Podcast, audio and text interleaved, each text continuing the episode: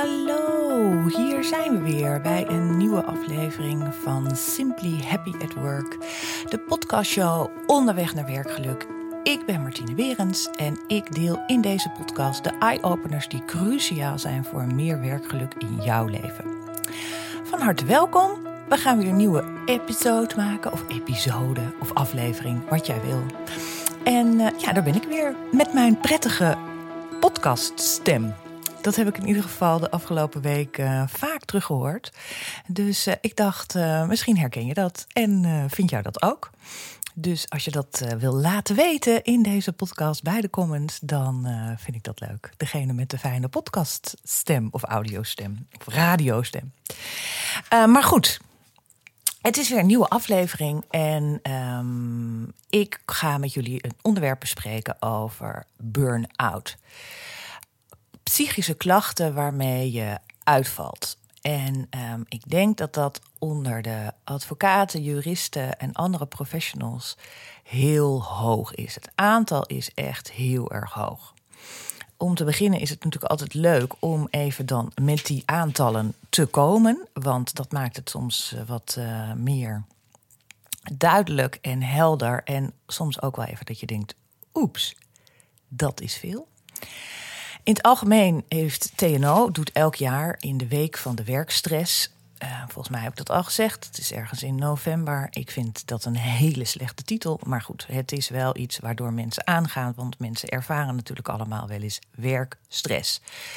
En um, voordat ik met deze cijfers begin, laat ik ook vooral vertellen dat stress en het hormoon wat daarbij vrijkomt over het algemeen helemaal niet ernstig is. Sterker nog, het, je hebt het nodig. Adrenaline hebben we nodig. Ons brein heeft eigenlijk maar twee standen. Namelijk een luie stand van wel alertheid, maar vooral luiheid. En de andere stand is die van iets gaan ondernemen, de adrenaline. En dan kom je in actie. En andere standen zijn er eigenlijk niet. En dus je kan heel goed voorstellen dat als jij continu alert bent en continu in een soort uh, uh, moment bent van, oh, er kan, ik, moet, ik moet nu in actie komen. Want het was natuurlijk in, in het kader, hè, in de tijd dat we nog uh, onze grootste vijand, de sabeltandtijger was. Zover gaan we terug.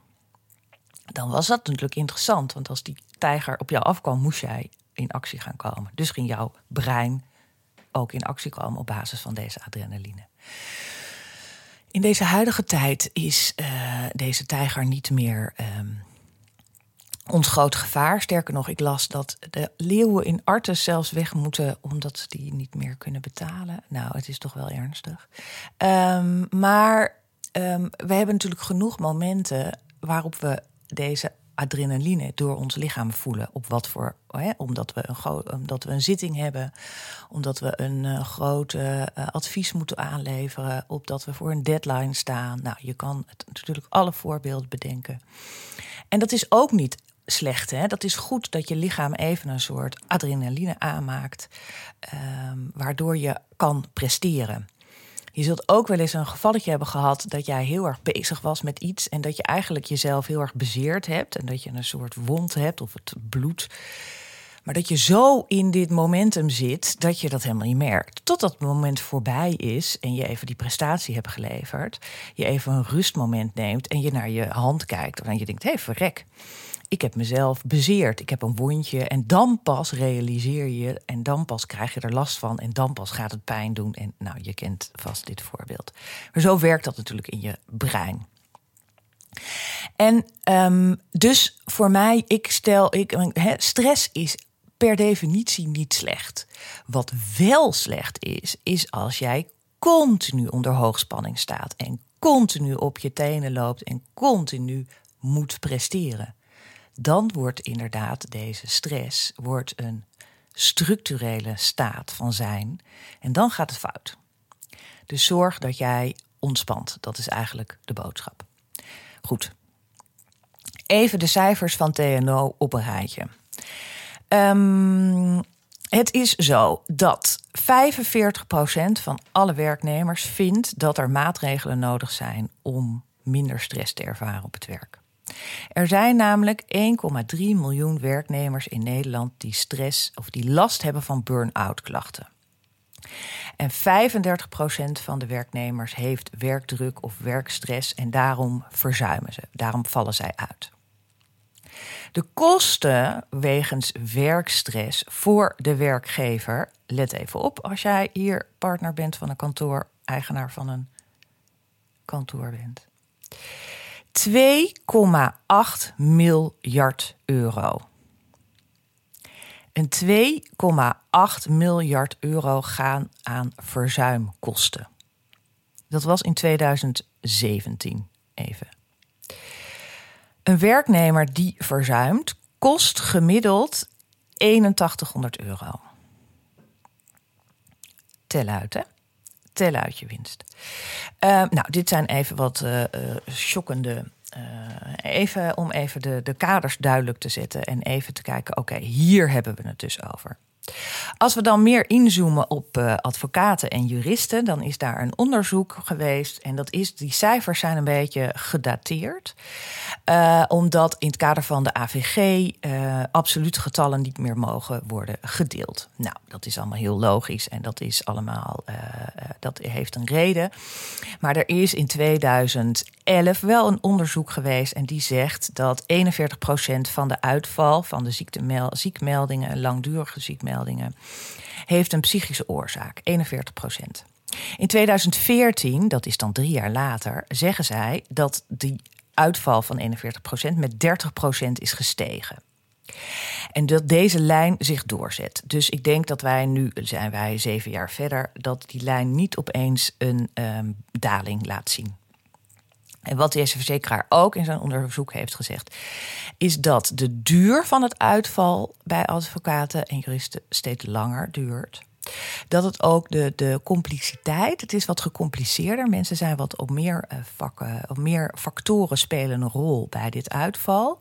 En ook de redenen. En wat ook nog wel interessant is, is dat als je kijkt naar jonge advocaten, jonge juristen, dus onder de 40 jaar, dat daar um, het aantal nog ook hoog. Hè? Uh, relatief gezien zit daar zeg maar de grootste populatie, als je het zo mag uh, noemen.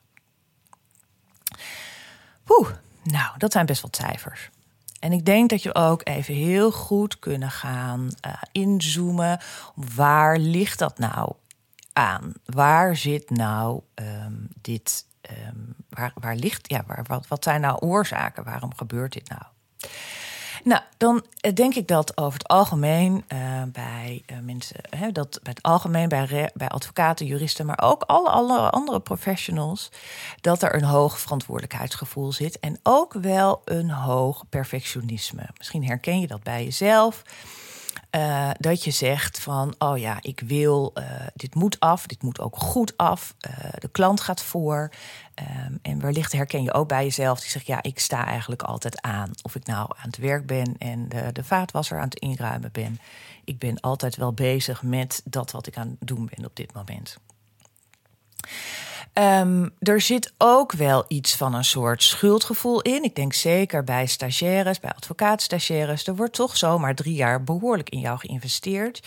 Je krijgt een hele mooie beroepsopleiding. Je weet ook van jezelf dat je daar enorm... Hè, je hebt rechten gestudeerd, maar nu leer je het vak, bij wijze van spreken. En um, ja, daar, daar, daar ben jij mee bezig. En dat, dat wil jij uh, tot je nemen. En daar wil jij ook super je best uh, voor doen. Um, en er zit natuurlijk een soort prestatiedruk om je heen. Zie je allerlei uh, personen heel hard werken, dus jij zal ook moet, uh, heel hard moeten werken. Je bent natuurlijk 24 uur en 7 dagen ben jij, kan jij informatie tot je nemen. Of je dat nou doet via de computer of via je vreselijke mobiele telefoon, waar je maar continu met de wereld in contact bent.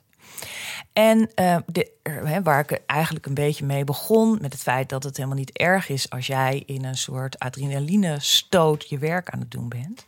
Alleen je moet ook zorgen voor die luie breinstand. Zorg voor voldoende ontspanning. En kijk ook daarmee of je dat ook echt als ontspanning kan zien. Het wel grappig dat ik ook laat iemand sprak en die zei van... ja, maar ik ren, ik, ren, ik ben nu aan het hardlopen. En nou, je hoort het waarschijnlijk ook aan mijn stem. En ik dacht, nou, perfect, leuk dat je, je aan het rennen, bewegen, buitenlucht, top, top, top. Hè? Vink, vink, vink. Maar die persoon, ja, want ik ben dus bezig met een hardloopgroepje. En nou zijn we aan een training. En nu moeten we deze week zoveel kilometer in zoveel tijd kunnen lopen. En ja, dat heb ik niet gehaald. Ik ben, nou, weet je, ook daar hoorde je dat daar weer een soort competitie-element in sloop. En dat ik bijna denk, nou weet je, ik vind het top dat je beweegt. Ik vind het top dat je in de buitenlucht bent. Ik vind het top dat je aan sport doet. Ook goed om dat met meer mensen te doen. waardoor je elkaar bij wijze van spreken stimuleert.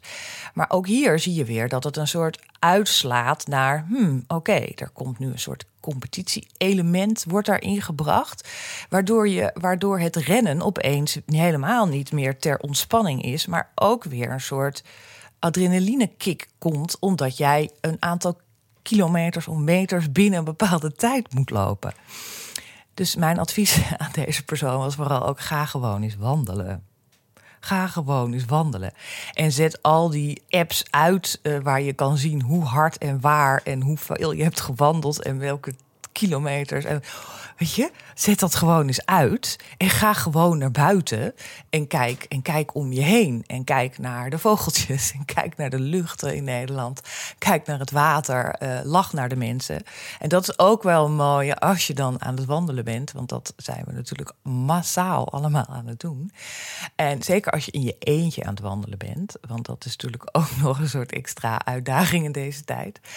Kijk dan niet naar de stoeptegels, maar kijk voor je uit.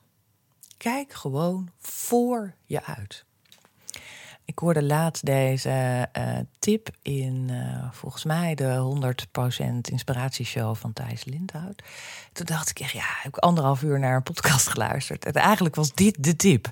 Dus ik dacht, oh ja, ik ben ook wel, als ik aan het wandelen ben, kan ik ook wel heel erg zo een beetje stoïcijns dan, zogenaamd, voor me uitstaren. Uh, maar dan zie ik heel veel stoeptegels. Uh, wat, wat, wat leuk kan zijn.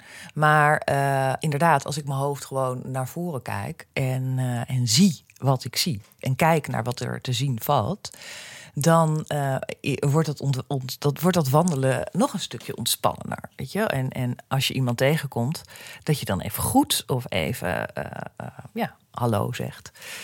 Het, lijkt een beetje op als je in de, in de bergen van Oostenrijk uh, wandelt. Uh, dat weet ik ook nog heel goed, dat ik dat met mijn opa en oma deed op een, in een vakantie.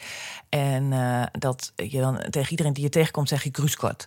En ik verstond natuurlijk nog niet zo goed Duits en dingen. En ik was wel echt zo van, nou, mijn opa en oma, joh, die kennen echt iedereen in Oostenrijk. Iedereen begroet ze, zij begroet ze ook terug.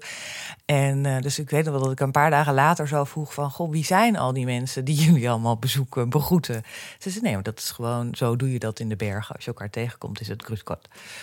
Um, dus dat is mooi. Toen dacht ik wel van, oh ja, top. Want dat geef, gaf mij heel erg een soort gevoel van, oh leuk, we doen dit allemaal samen. Want ik kan me voorstellen, ik was toen een puber. Ik vond het niet de meest um, geweldige vakantie uh, om met mijn opa en oma door de bergen van Oostenrijk uh, te wandelen. Um, maar dat is dus de tip. Ga als je, als je inderdaad ontspant, laat dan even dat competitiegevoel wat jullie als advocaten toch altijd met je meebrengen, laat dat even los. Um, wat ik ook wel um, uh, merk, is dat er een beetje een soort uh, taboe heerst onder deze burn-out. En, onder het, en, en dat het feit dat het heel veel voorkomt. Um, maar dat daar een beetje. het wordt een beetje weggepoetst. Um, er wordt natuurlijk, het is een beetje een soort deur, een deurknop onderwerp. Um, en als ik er naar vraag van, goh, hoe zit het eigenlijk met het verzuim? Uh, is dat hoog bij jullie? Weten jullie ook de oorzaak?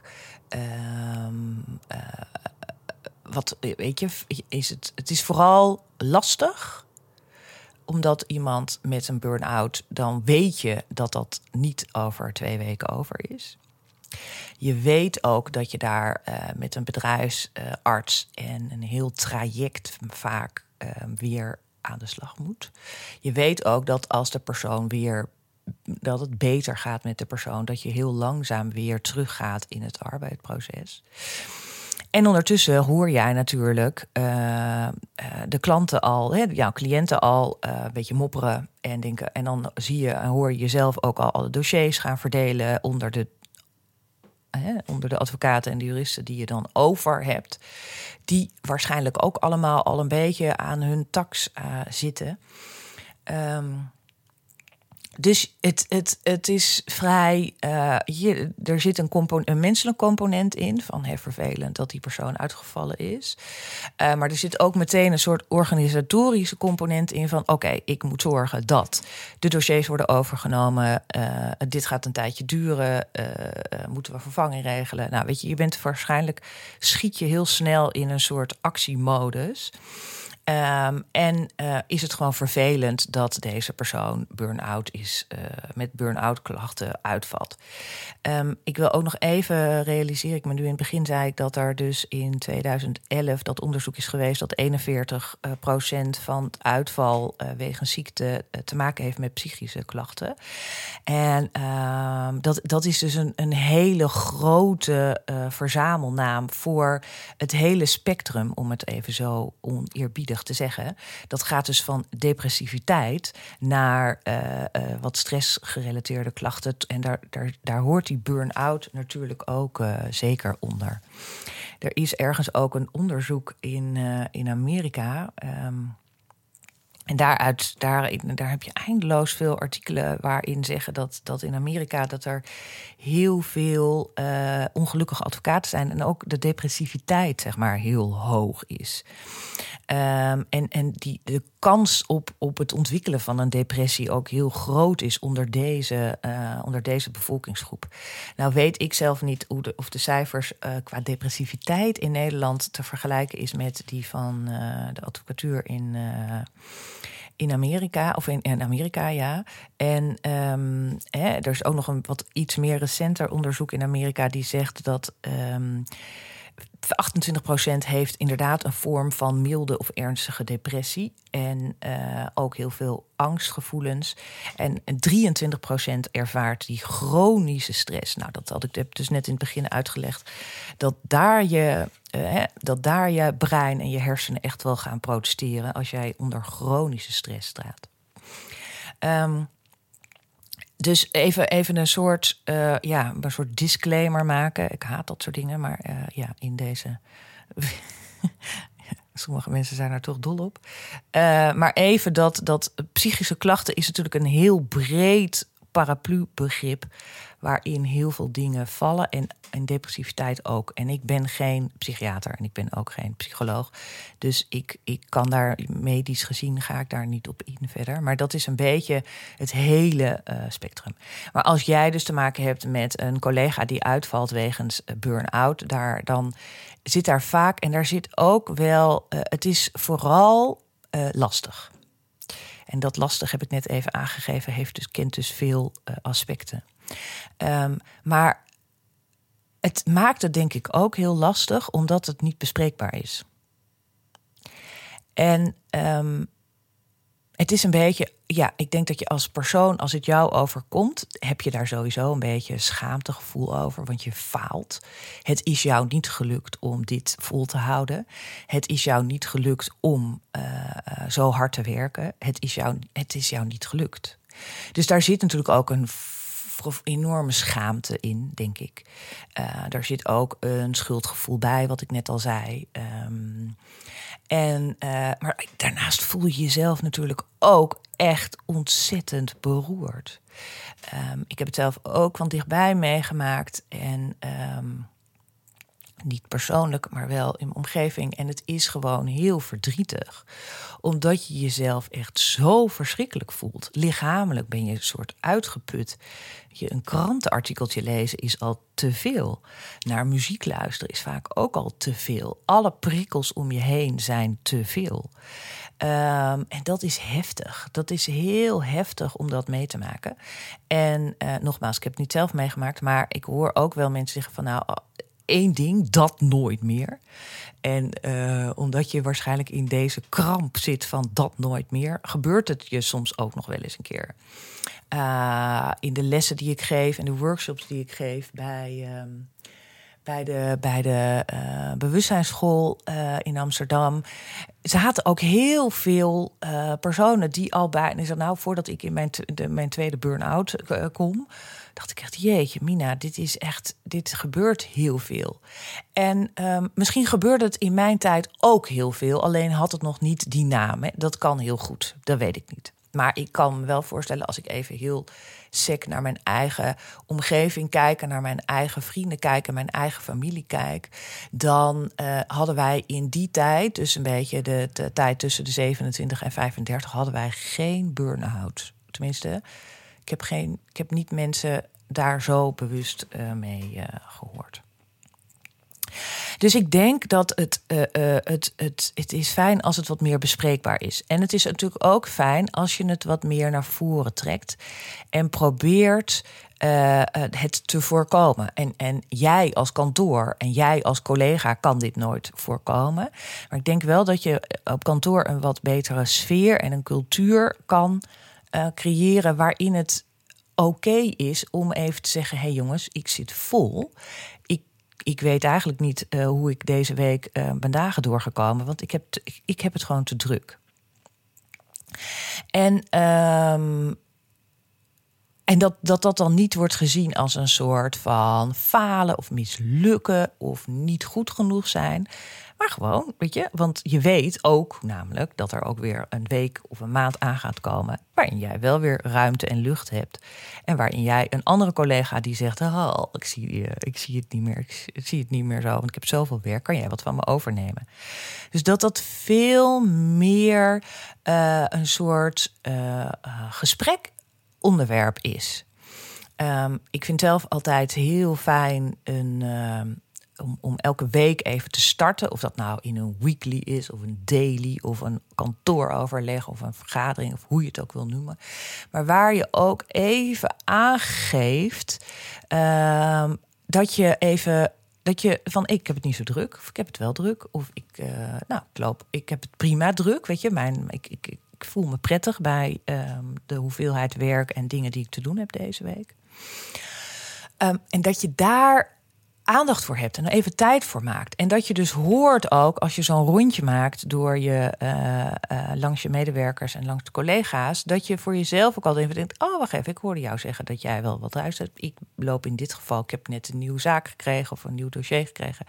Kan jij dat voor mij overnemen? Of zullen we het samen doen? Of kan jij beginnen? Of weet je, dan is, dan is dat even iets meer bespreekbaar. En ik denk dat je daar als ouderen en als meer senior en desnoods partner het voortouw in kan nemen. Doordat hè, mensen, het is net als met opvoeden, kinderen luisteren niet naar wat je zegt, maar kijken vooral naar wat je, hoe je het doet. Dus geef daarin het voorbeeld en uh, ben daar gewoon eerlijk in. Dat is denk ik eigenlijk wat een heel mooi begin is. Je ziet ook bij veel kantoren die dat echt een beetje meer ingeregeld hebben, doordat er een psycholoog elke week rondloopt, die daar open spreekuur heeft en uh, beschikbaar is. Daarmee geef je natuurlijk ook al een beetje een signaal af van hé, hey, wij hebben hier uh, oren voor en naar. En we hebben dat op deze manier ingeregeld. Um, het is natuurlijk ook mooi om bij wijze van spreken een soort stoelmassage elke week langs te laten komen, waarin even um, uh, de ontspanning wordt gevonden. En als je echt een hele goede stoelmasseur hebt geregeld, dan is dat ook voor de, dan doet hij niet alleen zeg maar het fysieke masseren bij de persoon, maar die gaat natuurlijk ook altijd een beetje praten. En het is natuurlijk heel fijn om op deze manier even je hart te luchten en even te vertellen waarom jij die knoop daar onder je schouder hebt of waardoor jij wat stijvig bent in je, uh, tussen je schouderbladen. Um, dus dat soort dingen zijn denk ik heel goed. En um, om daar ook uh, echt um, aandacht aan te geven. Want ik denk dat het, het, het is nog een beetje uh, vervelend en wat ik al net zei, lastig als jij een met een burn-out uitvalt. En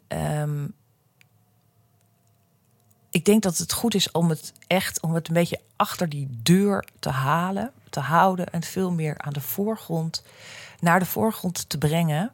En eigenlijk ook natuurlijk te zorgen dat je in de preventieve kant veel meer gaat zitten. Dus dat je veel meer gaat kijken dat je het voorkomt. Wat ook altijd een heel mooi signaal is, en daar zal je ook een soort alertheid op moeten gaan uh, creëren, is als mensen bijvoorbeeld, als, als je merkt dat tijdens een kantooroverleg of tijdens een daily of tijdens een weekly of, of tijdens een leuke pubquiz die jullie hebben georganiseerd online, uh, eens even kijken wie er niet is. En um, even aandacht te geven aan degene waarom die, uh, die er niet is. En niet in de zin van waar was jij en jij moet daar zijn, maar meer informerend van hey, uh, je was er niet, ik zag je vorige week ook niet. Uh, ben je te druk of komt het tijdstipje niet uit? Ga gewoon eens even een open vraag stellen van hey, we hebben je gemist, we missen je. Um, ben je er volgende keer wel bij? En zo niet, wat kunnen we eraan doen dat je er wel bij bent? En daarin zie je namelijk een pas wat signaaltjes ontstaan dat als mensen geen tijd meer hebben of willen maken om naar dat soort momenten uh, te komen en, en daar to show up, hè, bij wijze van spreken. Dus ik denk dat het goed is om die mensen er even ja, wat bij, bij wijze van spreken weer even bij, bij de les te halen. En niet, nogmaals, niet vanuit een soort uh, bestraffende van hm, je was er niet en waar ben je? Hè? Dus bij wijze van spreken als een kind. Ik zeg ook altijd als, als een kind op school hele tijd te laat is, en heb ik het niet over de basisschool, want die worden nog door ouders gebracht, maar gewoon middelbare school, dan is dat, weet je, dan, dan is het heel makkelijk om dan te zeggen: je bent te laat en je moet nablijven. Dit, dit, dit. Maar op het moment dat het heel veel gebeurt, zou je ook eens even kunnen kijken naar. Uh, een ander gesprek en een andere ingang van wat, waarom ben je nou elke keer te laat? En, en, en kom je je bed niet uit? Waarom kom je je bed niet uit? Zit je wel lekker in je vel? Weet je, dat je, dus je, dat je veel sneller. En ik, het is ook vaak dat mensen zelf al niet eens, zeker niet als je een beetje in zo'n soort uh, gedrukte, overspannere uh, periode zit in je. Dan heb je zelf al niet in de. Heb je zelf waarschijnlijk al niet eens in de gaten dat je dat soort momentjes ook ontspannende momentjes. als je, uh, kijk maar weer even als we met z'n allen weer op kantoor zitten en er een gemeenschappelijke lunchmoment is. Check dan ook eens even wie er niet is. En kijk dan of dat inderdaad is omdat hij altijd afspraken heeft met cliënten. Of dat, maar soms kan je ook wel zeggen van, oh ja, maar die is gewoon zijn boterhammetjes achter zijn pc'tje aan het uh, snel naar binnen aan het werken. En neemt niet even de tijd om aan deze keukentafel te zitten, even te praten over de voetbaluitslagen, even te praten over de leukste films die er zijn, uh, over gebbetjes en golletjes. Um, en en dat, is, dat is echt, daar, dat is goed om daar, om daar aandacht aan te hebben, voor te hebben en daar even een open gesprek over te hebben. Want vaak, wat ik eigenlijk wilde zeggen, zijn de personen die een beetje in een soort overspannen modus raken, zich helemaal zelf ook helemaal niet bewust van het feit dat ze dat vaker overslaan dan, dan, dan jou lief is. Um, en vaak denken ze, oh ja, weet je, maar ik dacht dat is handig, want dan kan ik even doorwerken. Maar vaak is dat helemaal niet handig. Precies wat ik zei in het begin. Jouw brein heeft ook deze ontzettende luie, ontspannende status nodig. En um, uh, soms merk je ook wel eens uh, dat je tijdens de lunch, uh, als, je, als iedereen een beetje in deze ontspannen uh, sfeer daar uh, plaatsneemt, komen er ook altijd geweldige ideeën en, en, en, en een soort bijna een soort halve brainstorm sessies zijn dit. Um, of er komen mega tips over waar je de beste kaas kan halen en wat zo'n goede visboer is en meer van dat soort uh, uh, grappige dingen waar je ook weer dingen over uh, aan, aan overhoudt. En net zo goed als ik zei van ik, heb een, ik luister bijna een uur naar een podcast van Thijs Lindhout. En dan haal ik als tip daaruit van ga wandelen, maar kijk voor je uit in plaats van naar die prachtige stoeptegels in Nederland. Nou, ik hoop dat jij in deze podcast, waar ik het heb gehad over de burn-out onder advocaten en juristen, maar ook alle andere professionals hebben hier mee te maken. Dat deze aantallen schrikbarend hoog zijn. En dat het ook nog zo is dat die aantallen helaas niet naar beneden gaan. De curve gaat niet naar beneden. Uh, waar hebben we dat vaker gehoord? Maar nu even in deze situatie. En ik denk ook dat deze hele coronasituatie deze curve niet naar boven, naar beneden heeft gebracht. Maar dat is even, weet je, ik denk dat, dat, dat we dat even los moeten koppelen van de situatie waarin, uh, waar ik het nu net over gehad heb.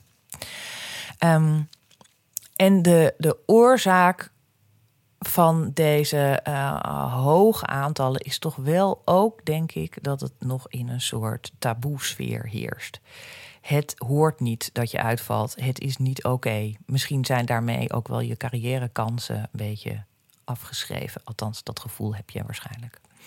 Er zit een hoge sociale druk in deze wereld waarin je maar moet, moet, moet, door, door, door.